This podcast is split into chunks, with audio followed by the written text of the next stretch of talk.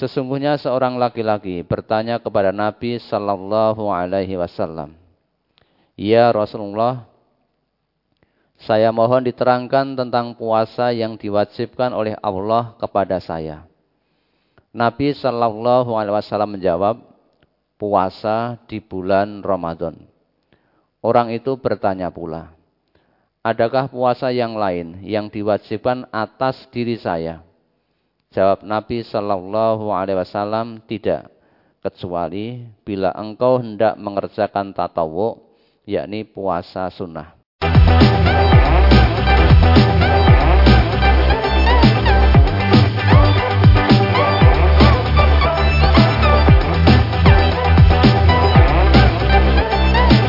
Mari kita simak, kita perhatikan brosur Ahad 27 Maret 2022 yang bertepatan dengan tanggal 24 Syakban 1443 Hijriah dengan mengambil tema puasa.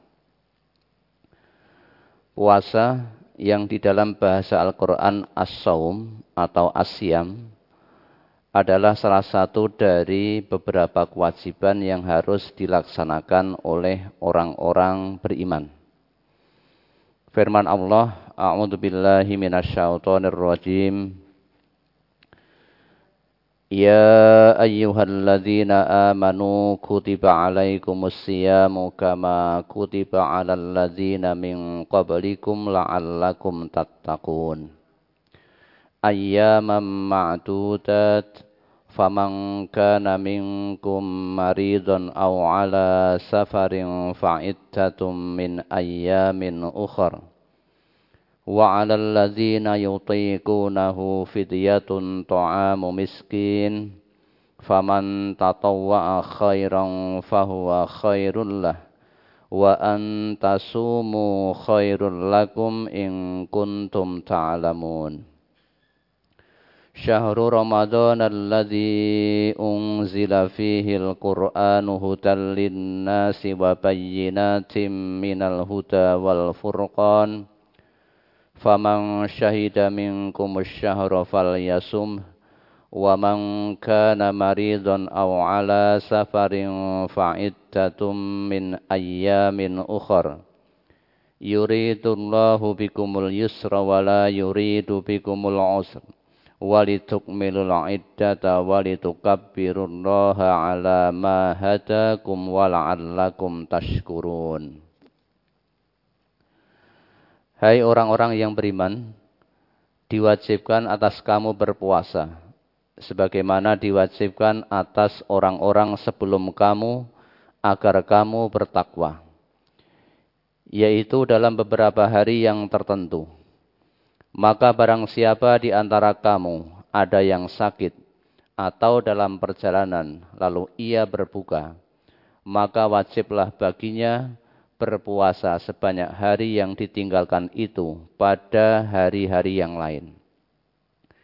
Dan wajib bagi orang-orang yang berat menjalankannya jika mereka tidak berpuasa membayar fidyah, yaitu memberi makan seorang miskin. Barang siapa yang dengan kerelaan hati mengerjakan kebajikan, maka itulah yang lebih baik baginya dan berpuasa lebih baik bagimu jika kamu mengetahui. Beberapa hari yang ditentukan itu ialah bulan Ramadan, bulan yang di dalamnya diturunkan permulaan Al-Quran sebagai petunjuk bagi manusia dan penjelasan-penjelasan mengenai petunjuk itu dan pembeda antara yang hak dan yang batil. Karena itu, Barang siapa di antara kamu hadir di negeri tempat tinggalnya di bulan itu, maka hendalah ia berpuasa pada bulan itu. Dan barang siapa sakit atau dalam perjalanan lalu ia berbuka, maka wajiblah baginya berpuasa sebanyak hari yang ditinggalkannya itu pada hari-hari yang lain. Allah menghendaki kemudahan bagimu dan tidak menghendaki bagimu. Dan hendaklah kamu mencukupkan bilangannya. dan hendaklah kamu mengagungkan Allah atas petunjuknya yang diberikan kepadamu supaya kamu bersyukur. Quran surat Al-Baqarah ayat 183 sampai 185. Satu, pengertian asyam atau puasa. Asyam atau asaum menurut lughah atau bahasa artinya menahan diri dari melakukan sesuatu. Seperti firman Allah kepada Maryam, Fa imma taroyinna minal bashari ahadan faquli inni nazartu lirrahmani sauman falam ukallimal yawma insiya. Jika kamu melihat seorang manusia, maka katakanlah, Sesungguhnya aku telah bernazar akan berpuasa karena Tuhan yang maha pemurah.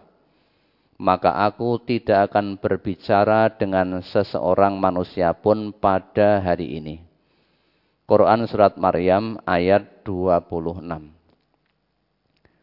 Menurut syarak ialah al-imsaku anil akli wa syurbi wa ghasyayanin nisa'i minal fajri ilal maghribi ihtisaban lillahi wa i'tadan lin nafsi wa tahyi'atan laha litaqwallahi bil muraqabati lahu wa tarbiyatil iradah menahan diri dari makan, minum dan bersetubuh mulai fajar hingga maghrib karena mengharap ridha Allah dan menyiapkan diri untuk bertakwa kepadanya dengan jalan mendekatkan diri kepada Allah dan mendidik kehendak. Tafsir Al-Manar juz 2 halaman 143.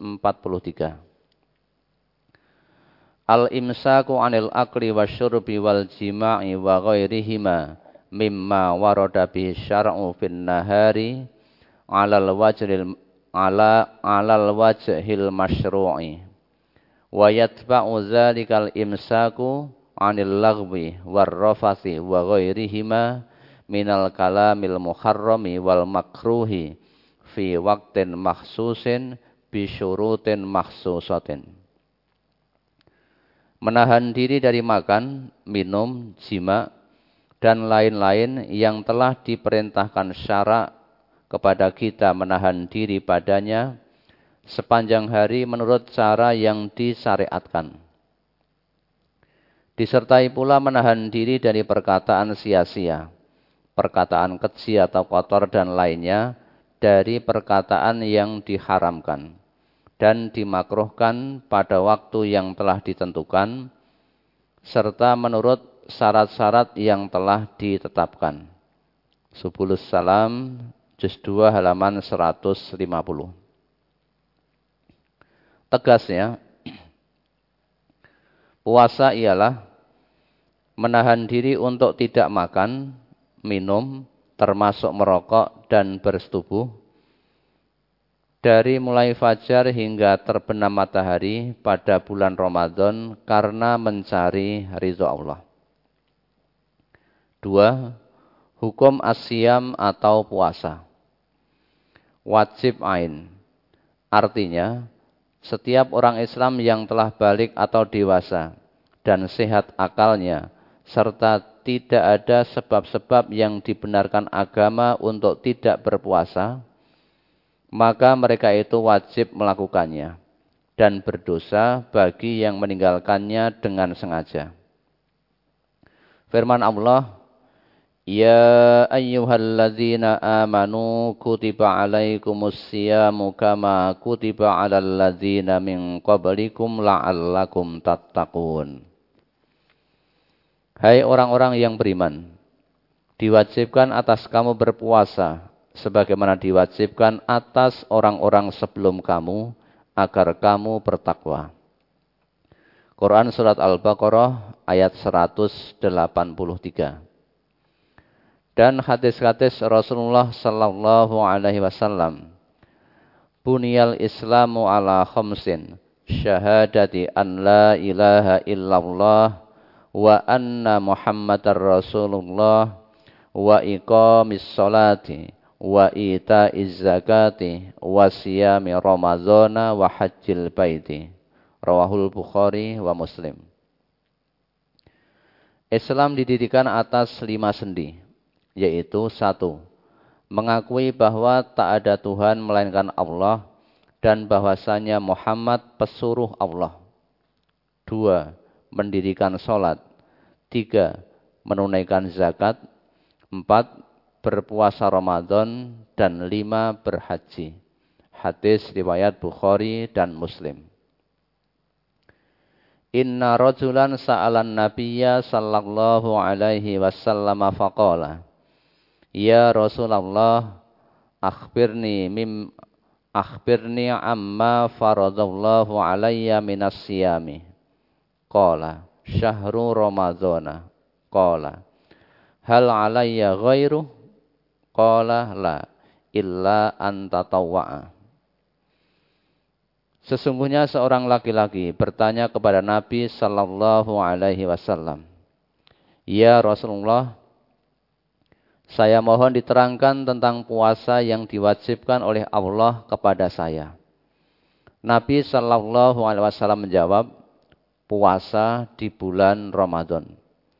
Orang itu bertanya pula, "Adakah puasa yang lain yang diwajibkan atas diri saya?" Jawab Nabi Shallallahu Alaihi Wasallam tidak kecuali bila engkau hendak mengerjakan tatawu yakni puasa sunnah. Hadis riwayat mutafak alaih dari Tolhah bin Ubaidillah. Tiga, yang wajib berpuasa. Ketentuan-ketentuan orang yang berkewajiban menjalankan puasa di bulan Ramadan. A. Orang Islam tidak diwajibkan selain orang Islam. B. Akil balik atau dewasa bukan anak-anak. C. Sehat. D. Mukim. Yakni berada di daerah tempat tinggalnya atau daerah ikomahnya bukan sebagai musafir. E. Kuat, yakni tidak memaksakan diri karena sangat berat dan payah bila berpuasa. F. Khusus bagi wanita pada waktu suci. Artinya tidak sedang haid atau nifas. 4. Yang membatalkan puasa. Sepanjang tuntunan Allah dan Rasulnya, hal-hal yang membatalkan puasa adalah sebagai berikut. Firman Allah subhanahu wa ta'ala, dalam surat Al-Baqarah ayat 187. Uhilla lakum lailatas siyamir rafathu ila nisaikum. Hunna libasul lakum wa antum libasul lahun. Alimallahu annakum kuntum takhtanuna anfusakum fataba alaikum wa afa ankum. Fal'ana bashiruhunna wabtaghu ma kataballahu lakum. Wa kulu washrabu hatta yatabayyana lakumul khaytul abyadu minal khaytil aswati minal fajr. Thumma atimmus siyama ilal lail. Dihalalkan bagi kamu pada malam hari puasa bercampur dengan istri-istri kamu mereka itu pakaian bagimu dan kamu pun pakaian bagi mereka. Allah mengetahui bahwasanya kamu tidak dapat menahan nafsumu. Karena itu, Allah mengampuni kamu dan memberi keringanan kepadamu. Maka sekarang campurilah mereka dan carilah apa yang telah ditetapkan Allah untukmu. Dan makan minumlah hingga terang bagimu benang putih dari benang hitam, yaitu fajar. Kemudian sempurnakanlah puasa itu sampai malam. Quran Surat Al-Baqarah ayat 187. Dari ayat tersebut dapat diambil pengertian bahwa yang membatalkan puasa itu ialah A. Bersetubuh suami istri dengan sengaja dan dilakukan pada saat puasa, yakni dari mulai masuk waktu subuh hingga masuk waktu maghrib, padahal mereka termasuk orang-orang yang berkewajiban puasa. Dan yang dimaksud dengan bersetubuh, ialah masuknya kemaluan laki-laki atau suami pada kemaluan wanita atau istri. Jadi baik mengeluarkan mani maupun tidak, hukumnya tetap sama. Karena tidak ada ayat-ayat lain maupun hadis-hadis yang membatasi bahwa yang dimaksud bersetubuh adalah yang mengeluarkan mani. Maka ayat itu tetap berlaku sesuai dengan keumuman lafadznya. B. Makan dengan sengaja, baik makanan yang mengenyangkan atau tidak. C. Minum, baik yang menghilangkan haus atau tidak, termasuk merokok. 5. Yang boleh tidak berpuasa dan wajib mengganti di hari-hari yang lain. A. Orang yang sakit, yang apabila ia tetap berpuasa, akan menambah berat atau akan memperlambat kesembuhan sakitnya. Sedang sakitnya itu dapat diharapkan kesembuhannya, bukan sakit yang menaun, atau sakit yang kronis dan terus-menerus sehingga sulit diharapkan kesembuhannya. B. Musafir. Ialah orang yang sedang bepergian keluar dari daerah ikomahnya baik dengan perjalanan yang berat dan sukar maupun dengan ringan dan mudah. Kesemuanya diperbolehkan untuk tidak berpuasa, tetapi berkewajiban mengganti di hari yang lain. Berdasarkan firman Allah, "Faman kana minkum maridun aw ala safarin fa'iddatum min ayyamin ukhra." Dan barang siapa di antara kamu yang sakit atau dalam bepergian, yakni musafir, maka bolehlah ia berbuka dan mengganti di hari-hari yang lain, sebanyak yang ditinggalkannya. Quran Surat Al-Baqarah ayat 184. Wa man kana maridun aw ala safarin fa'iddatum min ayyamin ukhra dan barang siapa yang sakit atau dalam bepergian, yakni musafir, maka bolehlah ia berbuka dan mengganti di hari-hari yang lain sebanyak yang ditinggalkannya. Quran Surat Al-Baqarah ayat 185. Keterangan tentang berapa kilometer jauhnya seseorang disebut sebagai musafir itu tidak ada penjelasan yang tegas dari Nabi Sallallahu Alaihi Wasallam.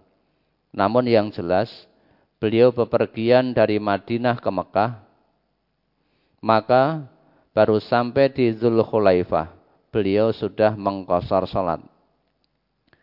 Sedangkan jarak dari Madinah sampai Zulkhulaifah itu kira-kira 6 mil atau kira-kira 12 kilometer. 6. Batas waktu mengganti. Tidak ada ketentuan dalam agama tentang batas waktu mengganti puasa yang ditinggalkan. Dapat dilaksanakan pada bulan-bulan sesudah selesai Ramadan tahun ini atau bulan-bulan sesudah Ramadan tahun berikutnya. Tegasnya, selama ia masih hidup, kapan pun boleh tanpa menambah fidyah atau melipat gandakan puasanya. Misalnya, hutang satu hari diganti dua hari dan sebagainya. Hanya sebaiknya segera diganti. Tujuh, yang boleh tidak berpuasa dan hanya mengganti fidyah tanpa harus mengganti puasa di hari yang lain yaitu orang-orang yang bila dipaksakan untuk berpuasa masih dapat, tetapi sungguh amat payah sekali dalam melaksanakannya. Perhatikan firman Allah, 'alal ladzina yutiqunahu fidyatun ta'amu miskin. Dan terhadap orang-orang yang bisa berpuasa, tetapi dengan susah payah, boleh tidak berpuasa, wajib membayar fidyah, yaitu memberi makan orang miskin. Quran Surat Al-Baqarah ayat 184. Ayat tersebut umum, maka siapa saja yang walaupun mampu berpuasa, tetapi dengan amat payah atau rekoso dalam menjalankannya, maka termasuk yang dimaksud oleh ayat di atas. Misalnya, A. Wanita yang sedang hamil, yang bila berpuasa dikhawatirkan akan menimbulkan gangguan pada dirinya dan atau anak yang dikandungnya. B. Wanita yang sedang menyusui, baik anaknya sendiri maupun anak orang lain yang diserahkan kepadanya untuk disusui. Yang bila dipaksakan untuk berpuasa akan sangat berat bagi dirinya dan atau bagi anak yang sedang disusuinya itu. Rasulullah sallallahu alaihi wasallam bersabda, "Innallaha wadha'a 'anil musafiri sauma wa salati wa 'anil khubla wal murdi'is sauma. Sesungguhnya Allah Subhanahu wa taala telah membolehkan bagi musafir meninggalkan puasa dan mengkosor salat. Dan Allah telah membolehkan perempuan hamil dan yang sedang menyusui meninggalkan puasa. Hadis riwayat Ahmad dari Anas bin Malik Al-Ka'bi. Dan riwayat dari Ibnu Abbas radhiyallahu an tentang istrinya yang sedang hamil, katanya, "Anti bimanzilatil ladzi la yutikuhu fa'alaikil fida'u wala qadha'a alaiki." Engkau sekedudukan dengan orang yang amat payah untuk berpuasa. Maka wajib atasmu fidyah dan tidak ada kodok bagimu Hadis riwayat Al-Bazzar dan disahihkan oleh Ad-Darqutni. Serta riwayat dari Ibnu Umar ketika beliau ditanya oleh seorang wanita Quraisy yang sedang hamil tentang hal puasanya. Maka jawab beliau, "Aftiri wa at'imi kulla yaumin miskinan wala taqdi." Berbukalah kamu dan berilah makan tiap hari seorang miskin dan jangan mengkodoknya. Hadis riwayat Ibnu Hazm. C. Orang yang lanjut usia atau orang tua yang apabila berpuasa akan sangat memayahkannya. Berdasarkan keumuman ayat surat Al-Baqarah ayat 184 dan riwayat dari Ibnu Abbas sebagai berikut. Rukhisa lisaykhil kabiri an yuftira wa yut'ima wa la alaihi. Orang yang sangat tua dibenarkan untuk berbuka dan wajib memberikan fidyah serta tidak ada qadha atasnya. Hadis riwayat Ad-Darqutni dan Al-Hakim. D. Orang yang pekerjaannya sangat berat yang bila tetap berpuasa walaupun ia kuat akan sangat berat dan memayahkannya. Misalnya, pengemudi becak, pekerja tambang, karyawan-karyawan pengangkat barang di stasiun, terminal, pelabuhan, dan sebagainya. Eh, orang yang sakit menaun, yang menurut ahli kesehatan sulit diharapkan sembuhnya, atau walaupun sembuh, tetapi memakan waktu yang lama sekali. F. Siapa saja yang karena kondisi badannya atau sebab-sebab lain akan amat berat bila berpuasa, walaupun bila dipaksa kuat juga. Untuk nomor D, E dan F, ini pun dasarnya adalah keumuman lafad dari ayat 184 surat Al-Baqarah di atas. Semua yang tersebut di atas boleh tidak berpuasa dan wajib membayar fidyah tanpa harus mengganti puasa di hari yang lain.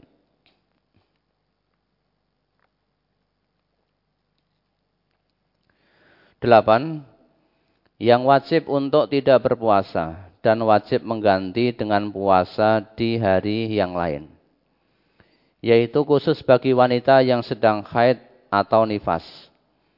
Berdasar riwayat An Aisyah taqalat kunna nakhidhu ala ahdi Rasulillah sallallahu alaihi wasallam fa nu'maru bi qada'is saumi wala nu'maru bi qada'is salati. Dari Aisyah ia berkata, Dahulu kami haid di masa Rasulullah sallallahu alaihi wasallam. Maka kami diperintahkan supaya mengkodok atau mengganti puasa dan kami tidak diperintahkan mengkodok sholat. Hadis riwayat Al-Jamaah dari Al-Mu'adzah. An Abi Sa'idin radhiyallahu anhu qala Qala Nabi sallallahu alaihi wasallam Alaisa iza hadat lam tusalli wala tasum fadzalika nuqsanu diniha Rawahul Bukhari Dari Abu Sa'id Al-Khudri radhiyallahu an ia berkata Nabi sallallahu alaihi wasallam bersabda Bukankah apabila seorang wanita itu haid, ia tidak sholat dan tidak berpuasa, itulah dari kekurangan agamanya. Hadis riwayat Bukhari, juz 2 halaman 239.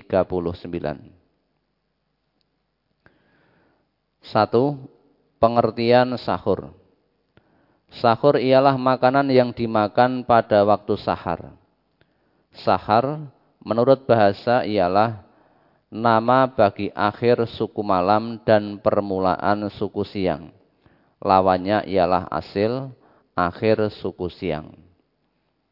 Menurut Az-Zamakhsyari, dinamai waktu sahar dengan sahar karena ia adalah waktu berlalunya malam dan datangnya siang. Dengan demikian, jelaslah bahwa sahar bukanlah satu atau dua jam sebelum terbit fajar. Namun yang dimaksud adalah nama waktu pergantian siang dan malam.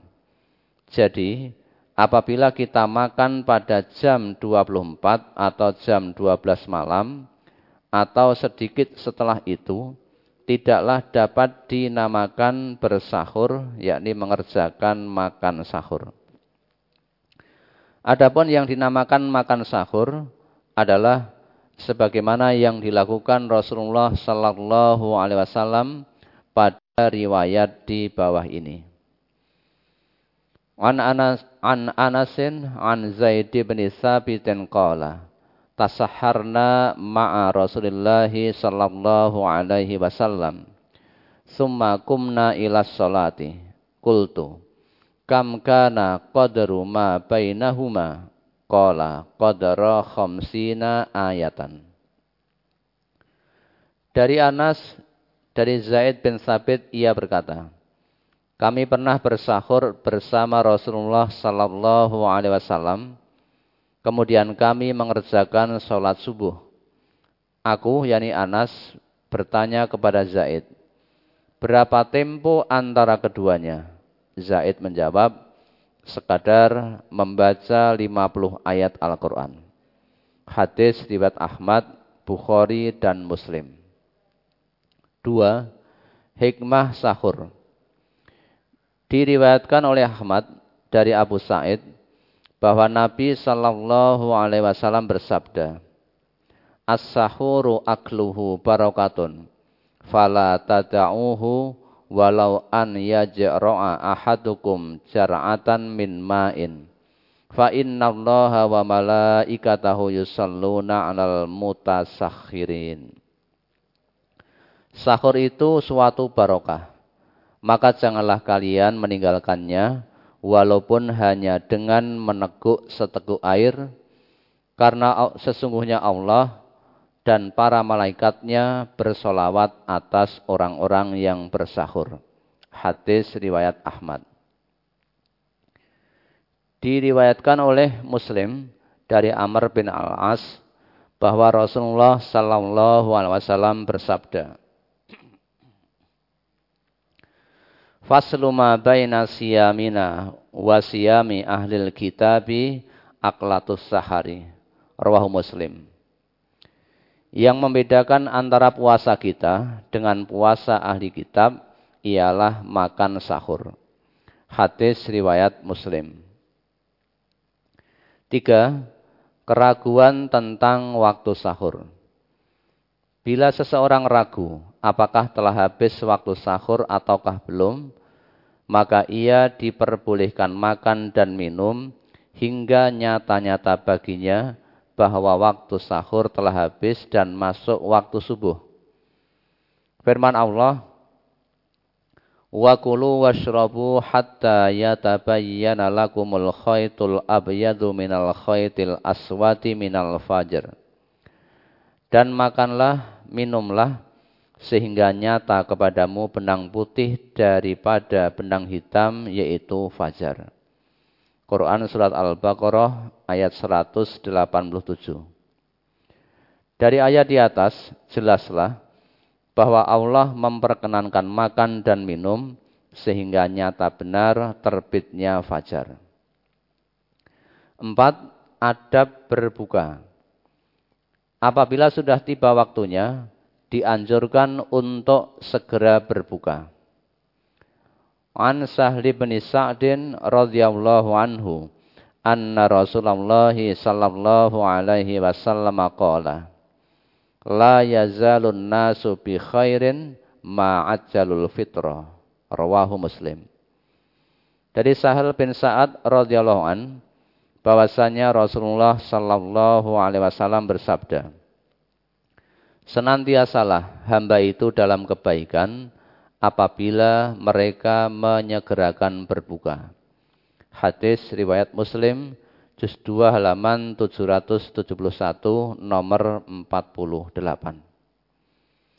An Abi Hurairah taqala qala Rasulullah sallallahu alaihi wasallam qala Allah azza wa jalla ahabbu ibadi ilayya a'jaluhum fitron rawahu Tirmidzi Dari Abu Hurairah ia berkata Rasulullah sallallahu alaihi wasallam bersabda Allah Azza wa Jalla berfirman, yang paling kusayangi dari hamba-hambaku ialah yang paling segera berbuka. Hadis riwayat Tirmidzi juz 2 halaman 103 nomor 696. Diriwayatkan oleh Ibnu Abdul Bar dari Anas bin Malik katanya, ma ra'aitu Rasulullah sallallahu alaihi wasallam qattu shalla salatal maghribi hatta yuftira walau ala syarbati ma'in. Tidak pernah aku melihat walau sekali Rasulullah sallallahu alaihi wasallam salat maghrib lebih dahulu sebelum berbuka. Walaupun hanya dengan seteguk air. Hadis riwayat Ibnu Abdul Bar dari Anas bin Malik. Diriwayatkan oleh Abu Dawud, Ahmad dan Tirmidzi dari Anas sebagai berikut. An Anas bin Malik qala kana Rasulullah sallallahu alaihi wasallam yuftiru ala rutabatin qabla an yusalliya fa in lam takun rutabatun fa'ala tamaratin fa in lam takun hasa hasawatin min ma'in. Dari Anas bin Malik ia berkata, Dahulu Rasulullah sallallahu alaihi wasallam berbuka dengan kurma basah sebelum sholat maghrib. Jika tidak ada kurma basah, maka beliau berbuka dengan kurma kering. Dan jika tidak ada kurma kering, beliau menyendok beberapa sendok air. Hadis riwayat Abu Dawud, Ahmad dan Tirmidzi. Karena Rasulullah sallallahu alaihi wasallam yuhibbu an yuftira ala salasi tamaratin aw syai'in lam tusibhun naru. Dahulu Rasulullah sallallahu alaihi wasallam suka berbuka puasa dengan tiga biji kurma atau sesuatu yang tidak dimasak dengan api. Hadis riwayat Abu Ya'la dari Anas. Rasulullah sallallahu alaihi wasallam bersabda, "Idza aftara ahadukum falyuftir ala tamrin, fa in lam yajid falyuftir ala ma'in, fa innahu tahurun." Apabila seseorang di antara kalian berbuka, maka hendaklah ia berbuka dengan kurma. Jika ia tidak memperoleh kurma, hendaklah ia berbuka dengan air karena air itu bersih dan membersihkan. Hadis riwayat Abu Dawud dan At-Tirmidzi dari Sulaiman bin Amir. Kesimpulan, hadis-hadis di atas menerangkan kepada kita bahwa apabila kita berbuka puasa, maka disunahkan untuk satu, menyegerakan berbuka. Dua, sebelum sholat maghrib kita berbuka dahulu walaupun dengan seteguk air. Tiga, berbuka dengan tiga biji kurma. Bila tidak ada, dengan sesuatu makanan yang manis dan tidak dimasak dengan api, seperti pisang, kates, nanas, dan lain-lain. Empat, bila tidak ada buah-buahan, maka disunahkan kita untuk berbuka dengan air. Lima, dan dikala berbuka dituntunkan untuk membaca doa sebagai berikut. Zahabat zama'u wa batallatil uruku wa sabatal ajru insyaallahu. Haus telah hilang, urat-urat telah basah, dan semoga pahala tetap didapat insyaallah. Hadis riwayat Abu Dawud, juz 2 halaman 306 nomor 2357 dari Ibnu Umar. Tentang doa berbuka puasa.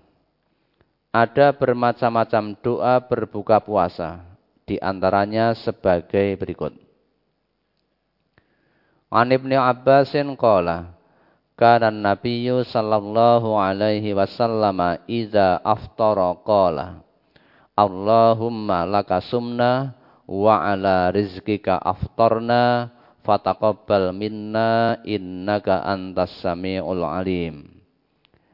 Dari Ibnu Abbas ia berkata, adalah Nabi sallallahu alaihi wasallam apabila berbuka puasa beliau berdoa Allahumma laka sumna wa ala rizkika aftarna fataqabbal minna innaka antas samiul alim.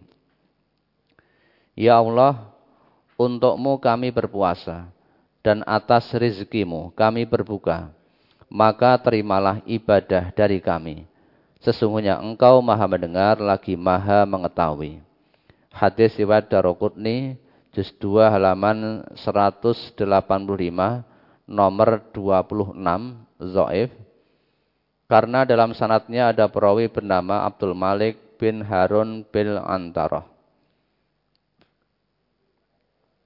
An Ibnu Abbasin qala kana Nabiyyu sallallahu alaihi wasallam idza aftara qala laka sumtu wa ala rizqika aftartu fataqabbal minni innaka antas samiul alim. Dari Ibnu Abbas ia berkata adalah Nabi sallallahu alaihi wasallam apabila berbuka puasa beliau berdoa laka sumtu wa ala rizkika aftartu fataqabbal minni innaka antas samiul alim. Untukmu aku berpuasa dan atas rizkimu aku berbuka.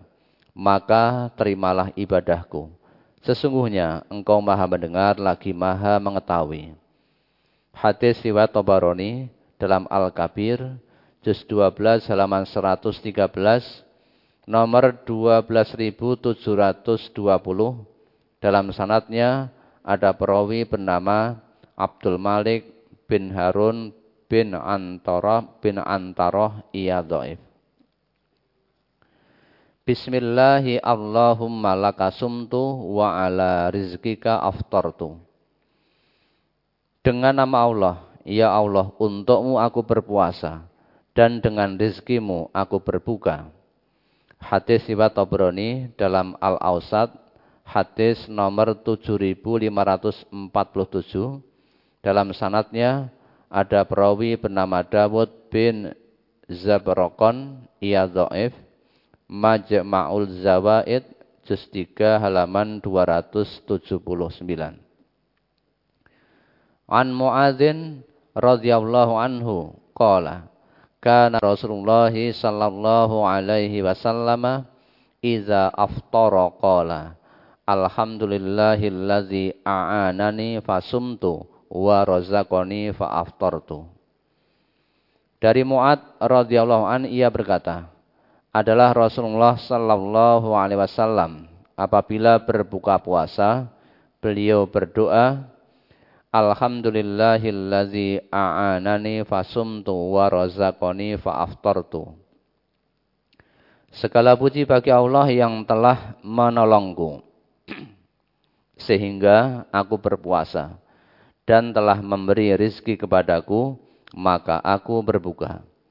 Hadis riwayat Ibnu Sunni halaman 169 nomor 479 sanatnya zoif karena di dalam karena di dalamnya ada perawi yang tidak disebutkan namanya. An Mu'adz bin Zuhrata annahu balaghahu anna nabiyya sallallahu alaihi wasallam kana iza aftara qala Allahumma laka sumtu wa ala rizkika aftartu. Dari Mu'ad bin Zuhrah bahwasanya telah sampai kepadanya bahwa Nabi Shallallahu Alaihi Wasallam apabila berbuka puasa beliau berdoa Allahumma lakasumtu wa ala rizkika aftartu. Ya Allah, untukmu aku berpuasa dan dengan rizkimu aku berbuka puasa. Hadis riwayat Abu Dawud juz 2 halaman 306 nomor 2358 hadis tersebut mursal karena Mu'ad bin Zuhrah tidak bertemu Nabi sallallahu alaihi wasallam. An ibni Abi Mulaika taqala Sami'tu Abdullah bin Amr bin al-As yaqul Sami'tu Rasulullah sallallahu alaihi wasallam yaqulu Inna lis-shaimi 'inda fitrihi la da'watun ma turaddu. Qala Ibnu Abi Mulaikah sami'tu Abdullah bin Amr yaqul idza aftara Allahumma inni as'aluka bi rahmatikal lati wasi'at kulla syai'in antaghfirali. Dari Ibnu Abi Mulaikah ia berkata, saya mendengar Abdullah bin Amr bin Al-As berkata, Aku mendengar Rasulullah sallallahu alaihi wasallam bersabda, Sesungguhnya bagi orang yang berpuasa itu ketika berbuka ada doa yang tidak akan ditolak. Ibnu Abi Mulaikah berkata, Aku mendengar Abdullah bin Amr apabila berbuka puasa berdoa, Allahumma inni as'aluka bi rahmatikal lati wasi'at kulla syai'in antaghfirali. Ya Allah, sesungguhnya aku memohon kepadamu dengan rahmatmu yang luas meliputi segala sesuatu agar engkau mengampuni aku. Hadis riwayat Ibnu Majah juz 1 halaman 557 nomor 1753 hadis hasan. An, man, an Marwana yakni bin Salimin al-Muqaffa'i qala Ra'aitu bin Umar yaqbidu ala lihyatihi fayaqta'u ma zada 'ala al-kaffi wa qala Kana Rasulullah sallallahu alaihi wasallam idza aftara qala zahabat zama'u wa batallatil uruqu wa sabatal ajru insyaallahu. Dari Marwan yakni bin Salim Al-Muqaffa ia berkata, Aku melihat Ibnu Umar memegang jenggotnya, lalu memotong yang lebih dari genggaman, genggaman tangannya. Ia berkata, adalah Rasulullah Sallallahu Alaihi Wasallam.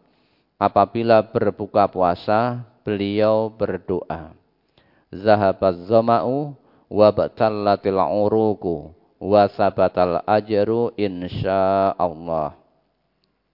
Haus telah hilang, urat-urat telah basah, dan semoga pahala tetap didapat insya Allah. Hadis riwayat Abu Dawud, juz 2 halaman 306, nomor 2357, hadis Hasan. Keterangan dari riwayat-riwayat di atas bisa kita ketahui bahwa yang derajatnya Hasan adalah riwayat Ibnu Majah dari Ibnu Abi Mulaikah dan riwayat Abu Dawud dari Marwan bin Salim. Namun pada riwayat Ibnu Abi Mulaikah di atas, doa tersebut adalah lafadznya Ibnu Amr. Adapun pada riwayat Abu Dawud tersebut, lafadz doa itu dari Nabi Sallallahu Alaihi Wasallam.